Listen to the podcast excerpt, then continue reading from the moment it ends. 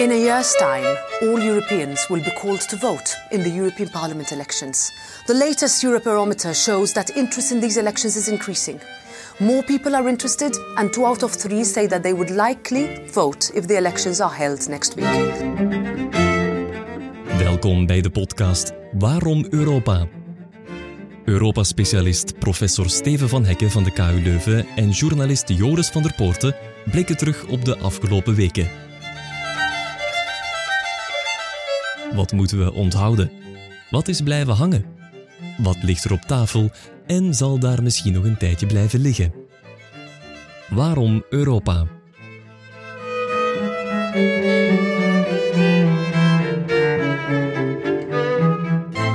We hoorden in het begin van deze aflevering parlementsvoorzitter Metsola bij de voorstelling enkele weken geleden van de Eurobarometer, die naar het sentiment peilt bij de Europeanen.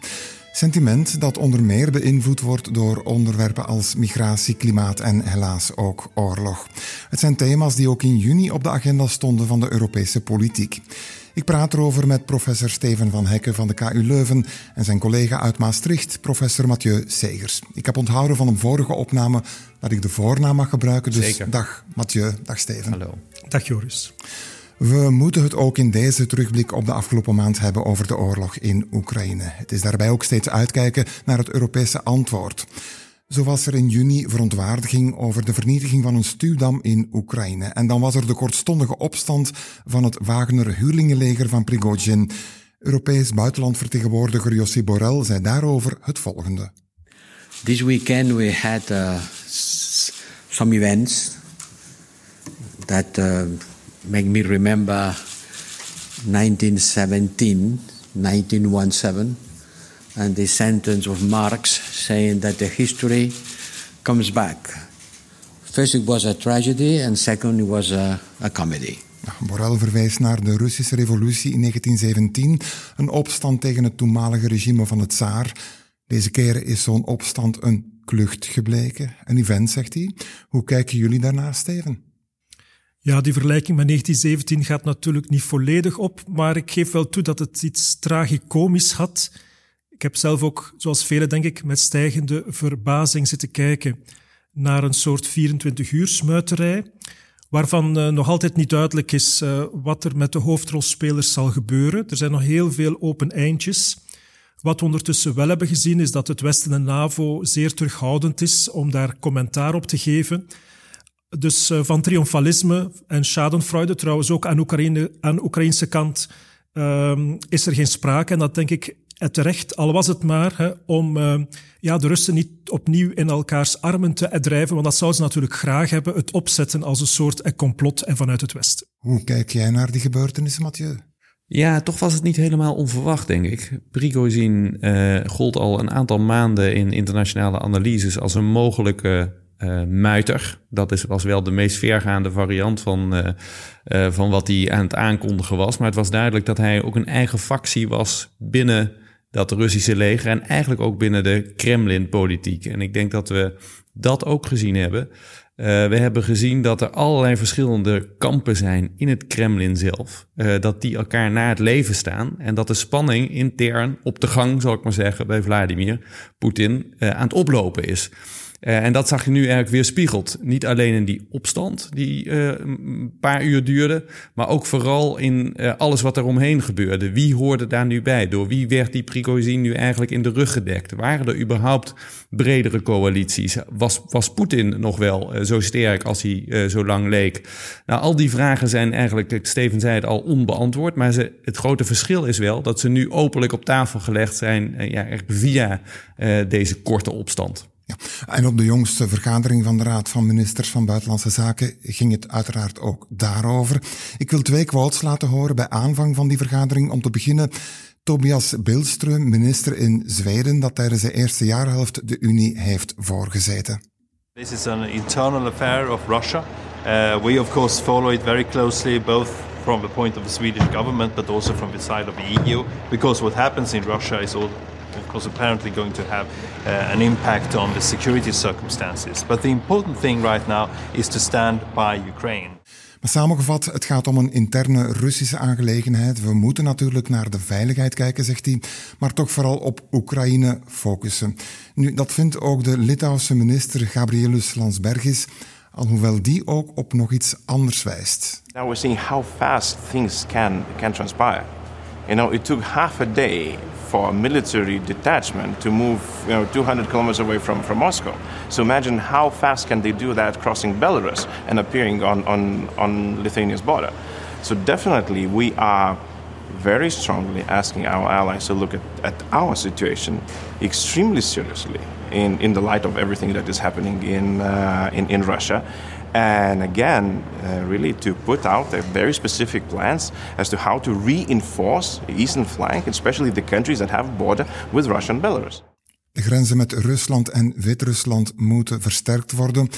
Wellicht legt hij het ook op tafel tijdens een NAVO-top in Vilnius in zijn eigen land, dus volgende maand. Mathieu, is hij toch niet wat meer behoedzaam? Behoedzamer dan pakweg de Zweden of Borrell, die het wat lacherig over een komedie had? Ja, dat denk ik zeker. Hij is hier, het is diepe ernst uh, voor wat betreft de Landsbergis. En dat heeft ook te maken hè, niet alleen met het feit dat de Baltische staten, die hij natuurlijk vertegenwoordigt, uh, Litouwen, te, al, al, decennia lang de hete adem van Rusland in hun nek voelen op allerlei manieren. En zeker de laatste jaren en zeker sinds de Russische inval in Oekraïne. Maar het heeft ook te maken met iets anders dat we gezien hebben bij die opstand van Prigozhin hoe snel er chaos en escalatie uh, mogelijk is binnen Rusland, binnen het Russische leger. En natuurlijk, als dat gebeurt, heb je ook een kans dat die escalatie uh, overspoelt naar andere landen. Uh, en wat dat betreft is Litouwen dan heel dichtbij. en is het ook logisch, heel begrijpelijk, dat hij oproept van laten we ons daar ook vooral op voorbereiden. En onze grenzen met, met Rusland wat dat betreft versterken. En Steven Landsbergis is misschien ook een beetje gevoeliger voor dat onderwerp. Hij is de kleinzoon van de eerste president van het onafhankelijke Litouwen in 1990. De man die zijn land heeft losgeweekt van de Sovjet-Unie.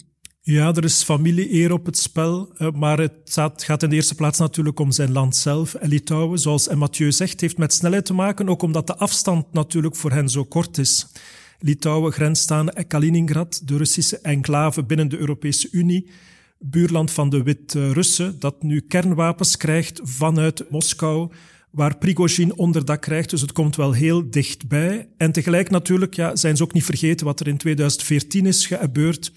Na de annexatie van de Krim en de oorlog in de Donbass hebben ze eigenlijk in het Westen weinig gehoor gevonden. Dat is pas veranderd in 2022. En iemand als Landsbergis uh, aarzelt natuurlijk niet om dat nog eens te herhalen, al was het maar om niet opnieuw te moeten zeggen: We told you so.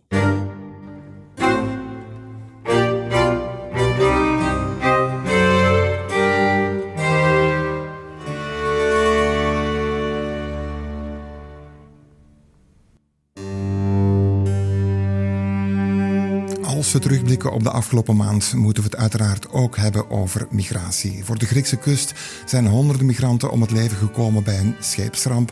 Amper enkele weken nadat de 27 lidstaten een migratiedeal hadden afgesloten. We horen de Belgische staatssecretaris voor asiel en migratie, Nicole de Moor. Het is echt revolutionair. We gaan naar een systeem dat begint van aan de buitengrenzen. Een systeem waarbij iedereen die op het Europese grondgebied toekomt meteen wordt gescreend en aan de juiste procedure wordt toegewezen. Dat wil zeggen dat mensen die eigenlijk geen kans hebben om erkend te worden als vluchteling, dat meteen in een grensprocedure te horen krijgen. En dat is wel belangrijk, hè, want we moeten natuurlijk onderzoeken of mensen bescherming nodig hebben omdat zij vervolgd worden in hun land van herkomst. En dan willen we die bescherming ook echt geven op het Europees grondgebied. Maar als mensen die bescherming niet nodig hebben, dan moeten we daar veel sneller een antwoord op kunnen formuleren. En dat zullen we nu doen. Wat is jouw evaluatie van dat migratiepact, Steven? Is bijvoorbeeld opvallend dat ook een land als Hongarije, het Hongarije van Viktor Orban, akkoord gaat?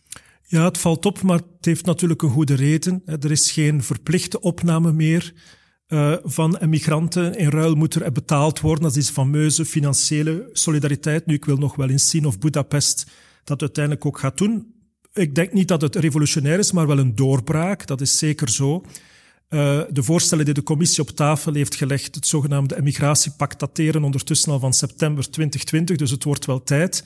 De lidstaten zitten nu op een van de cruciale domeinen eindelijk op één lijn. Uh, die triage is belangrijk, dat, dat, dat een van de kernpunten is. En ook de burden sharing, dat was toch ook een van de zwakke punten. Namelijk dat nu als een verworvenheid wordt en gezien dat elk lidstaat zijn deel moet doen om het probleem op Europees vlak aan te pakken. Maar zoals steeds, ja, de proof of the pudding is in the eating. We gaan nog uh, echt moeten zien of het ook uh, het daadwerkelijk effect heeft op het terrein. En dat zal misschien na 1 januari gebeuren als België voorzitter wordt van de Unie. Zal Nicole de Moor mee aan de kar moeten trekken om bijvoorbeeld het Europees Parlement zover te krijgen? Daar ziet het er wel naar uit. Hè. Nicole de Moor zal die uh, onderhandelingen namens de lidstaten moeten leiden met het Europese parlement. Ze zal dus altijd achterom moeten kijken en zorgen dat de hoofdsteden haar en nog steunen. Maar tegelijk moet ze natuurlijk ook een deal proberen te maken met het Europese parlement. Uh, die onderhandelingen kunnen al vroeger starten, maar ze zullen wellicht landen in de eerste helft van 2024. En tegelijk is er ook niet zoveel tijd. Met Pasen 2024 zal ze de deal moeten afronden, want dan gaat het parlement in reces in aanloop naar de verkiezingen van juni. Dus uh, het wordt een korte, maar krachtige periode, denk ik. Wat denk jij, Mathieu? Screening aan de buitengrenzen betekent screening in een land als Griekenland, waar de kustwacht verweten wordt mee verantwoordelijk te zijn voor die scheepsramp. Dat belooft.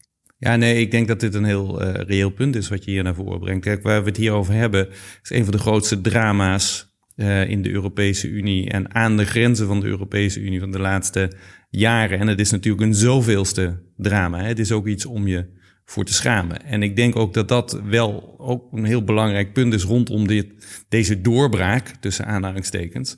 Um, er zitten allerlei elementen in het pakket wat nu is afgesproken en wat dus uh, nu ga, onderhandeld gaat worden verder uh, in detail, die toch zeer omstreden zijn. Uh, het gaat er om, eigenlijk om pushbacks voor een gedeelte te legitimeren. je geeft zelf al aan, hoe gaat dat gaan aan die buitengrenzen? Hè? Wat gaat dat uiteindelijk opleveren in de sfeer van slachtoffers? Maar in een breder kader vind ik nog belangrijker. Hoeveel mensenrechten gaat de Europese Unie zelf schenden? Um, in het omgaan uh, en het uitwerken met deze afspraken. En ik denk dat dat nog wel eens een heel cruciaal onderdeel kan zijn. Want als je zelf de mensenrechten predikt in deze wereld en daar altijd voorop loopt uh, in de internationale politiek om te zeggen dat is belangrijk, dat is ons ankerpunt voor eigenlijk de manier waarop wij ons opstellen naar buiten toe, maar ook in onze eigen samenleving. En je ondergraaft die mensenrechten zelf, want daar begint het toch wel aardig op te lijken, met zo'n deal over migratie uh, op een actieve manier heb je natuurlijk een heel groot geloofwaardigheidsprobleem. Niet alleen naar buiten toe, maar ook naar, uh, naar je eigen bevolking. Dan komt ook nog het punt, dat heeft Steven al aangestipt. Gaat het überhaupt werken? Hè? Want lidstaten kunnen dus eigenlijk hun verantwoordelijkheid nemen, weer tussen aanhalingstekens, door die af te kopen. Ja, daarmee is het probleem van de opvang natuurlijk niet opgelost. En dan nog een laatste punt wat ik even wil aanstippen. Het gaat over migratie, maar migratie is een veelsoortig fenomeen.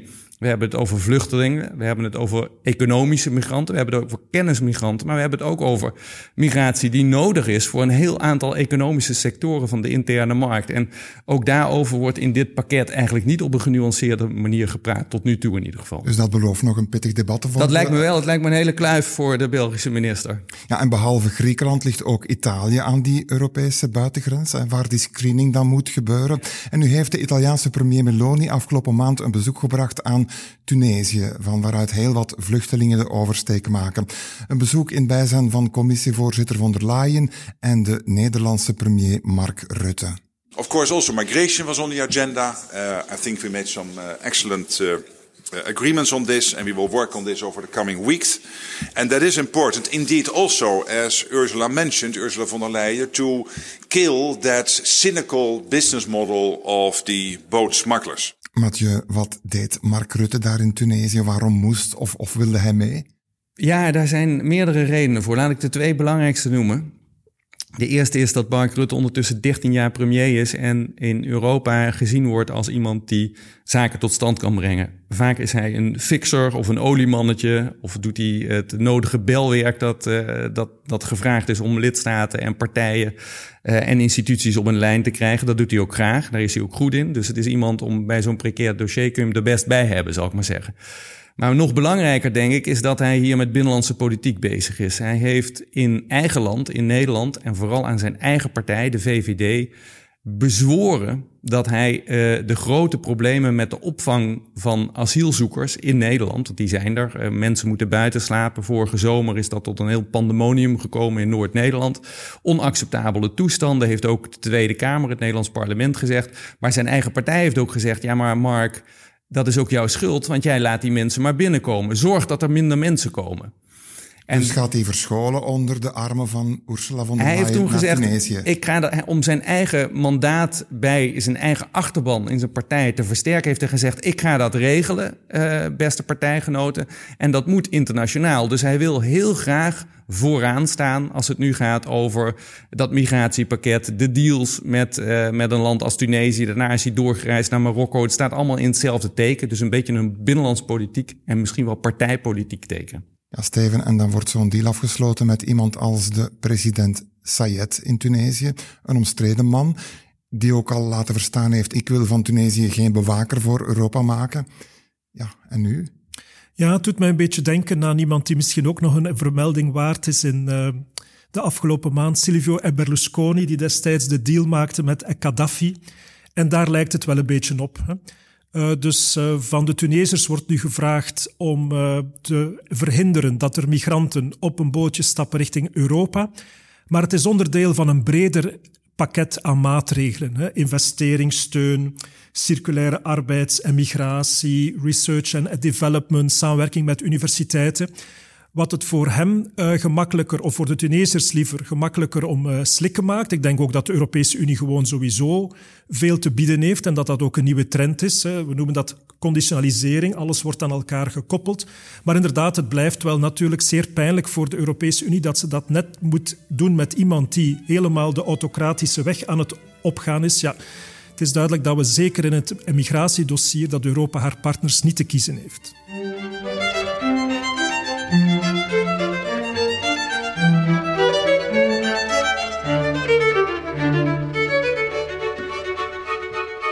Wil geen wet doordrukken, ik probeer meerderheden te krijgen. Zo doe je in een democratie door een meerderheid eh, van lidstaten en een meerderheid in het Europees Parlement achter dit voorstel te krijgen. Dat heet bij mij niet doordrukken, dat is gewoon hoe de democratie uh, werkt. En ja, ik ben niet de ambassadeur van Nederland. Ik ben lid van de Europese Commissie en ik sta voor een natuurbeleid dat ons moet helpen onze doelstellingen in het klimaatbeleid te halen. Want zonder natuurherstelwet zal het wel heel erg moeilijk, zo niet onmogelijk worden, om onze uh, emissiereductiedoelstellingen voor 2030 en 2050 te halen.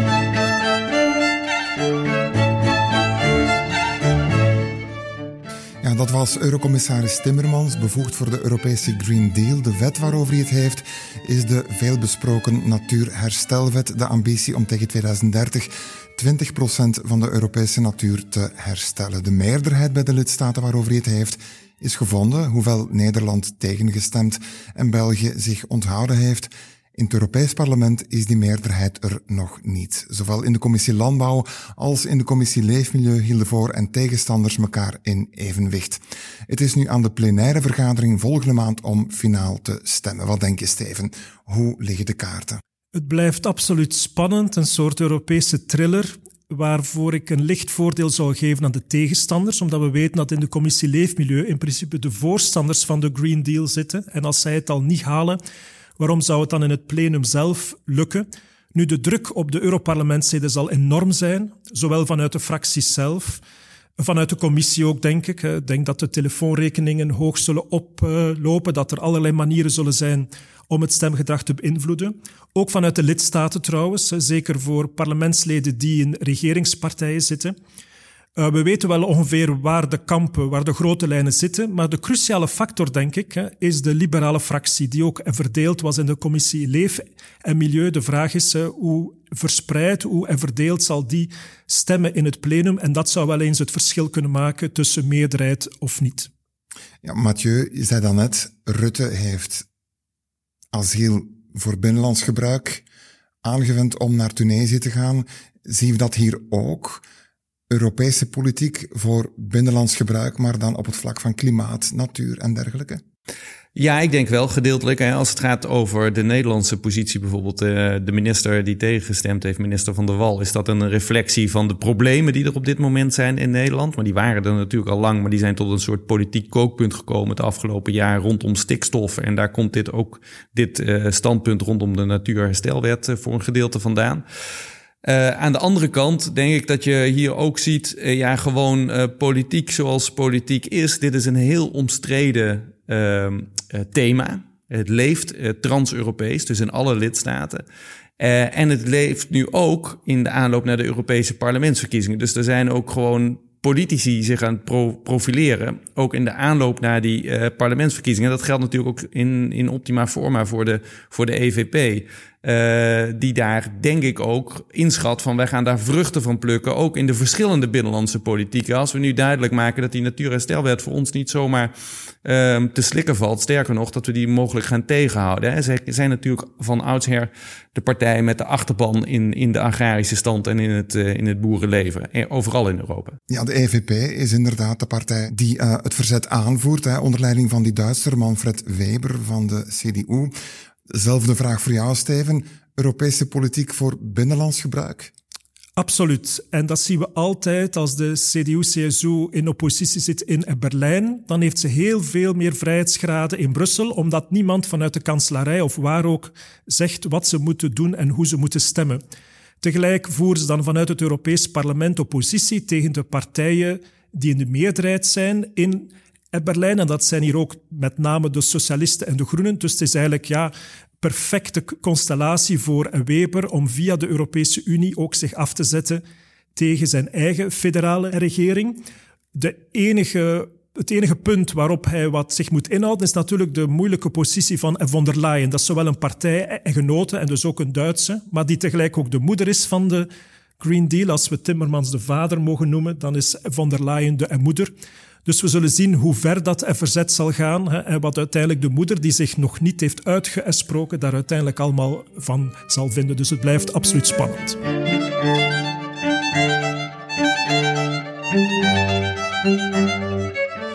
En dan nog dit. Deze aflevering begon met een quote van parlementsvoorzitter Metsola bij de voorstelling van de jongste Eurobarometer. En meer toelichting daarbij kregen we van parlementsmedewerker Philip Schulmeister. I'm ending on this slide. Optimism for the future of the European Union. It's a little bit the spring message of the spring survey, if you want. Seven point increase in optimistic when it comes to the future of the European Union and a decrease of 7% uh, when it comes to I'm pessimistic, because the pessimistic about the future. Bijna 7 op de 10 ondervraagde Europeanen zijn positief over de toekomst, 65% om precies te zijn. Wat zeggen die cijfers, Mathieu? Ja, die zeggen wel iets. En net zoals uh, helemaal aan het begin van, de, van deze aflevering, uh, die quote, dat er eigenlijk, ja, dat men toeleeft naar die Europese parlementsverkiezingen op een enthousiastere manier dan we gewend zijn. Ja, dat zegt iets over de wereld waarin we ons bevinden. En uh, ook over wat de Europese Unie toch, uh, ondanks alles, voor elkaar gekregen heeft de laatste anderhalf, twee jaar. Uh, met name natuurlijk in het kader van, van de Russische oorlog in Oekraïne. En ik denk dat aanvankelijk het sentiment was: oh, nog een crisis en een ramp eroverheen. Kan de Europese Unie dat wel aan? Ehm, veel twijfel over uh, hoe destabiliserend het zou zijn voor de Europese Unie uh, zelf en de samenwerking tussen de lidstaten. Maar ondertussen uh, blijft dat front, wat toen onder grote druk gevormd is, toch overeind. Sanctiepakketten worden uitgerold en volgehouden. Oekraïne wordt consistent gesteund op een indrukwekkende manier. En tegelijkertijd worden ook de grote dossiers in Europa zelf aangepakt. De Green Deal, de klimaatcrisis, um, het migratievraagstuk. En mensen zien dat natuurlijk en die denken van ja, misschien is dan als we om ons heen kijken in de rest van de wereld, dit nog eh, zo gek nog niet. En bovendien, als we kijken wat de alternatieven zijn om ons heen, dan kiezen we toch misschien het liefste voor die samenwerkende Europese lidstaten. En uh, dat, dat zorgt voor een, voor een boost en dus ook een draagvlak onder de, onder de Europese bevolking, die, uh, ja, die eigenlijk heel bemoedigend is voor de Europese politiek, zou ik zeggen. Ja, ik ben het eens met de analyse van Mathieu. Het lijkt dat de doorsnee kiezer hè, in, via die eurobarometer duidelijk hoofd- en bijzaken van elkaar ja. kan onderscheiden.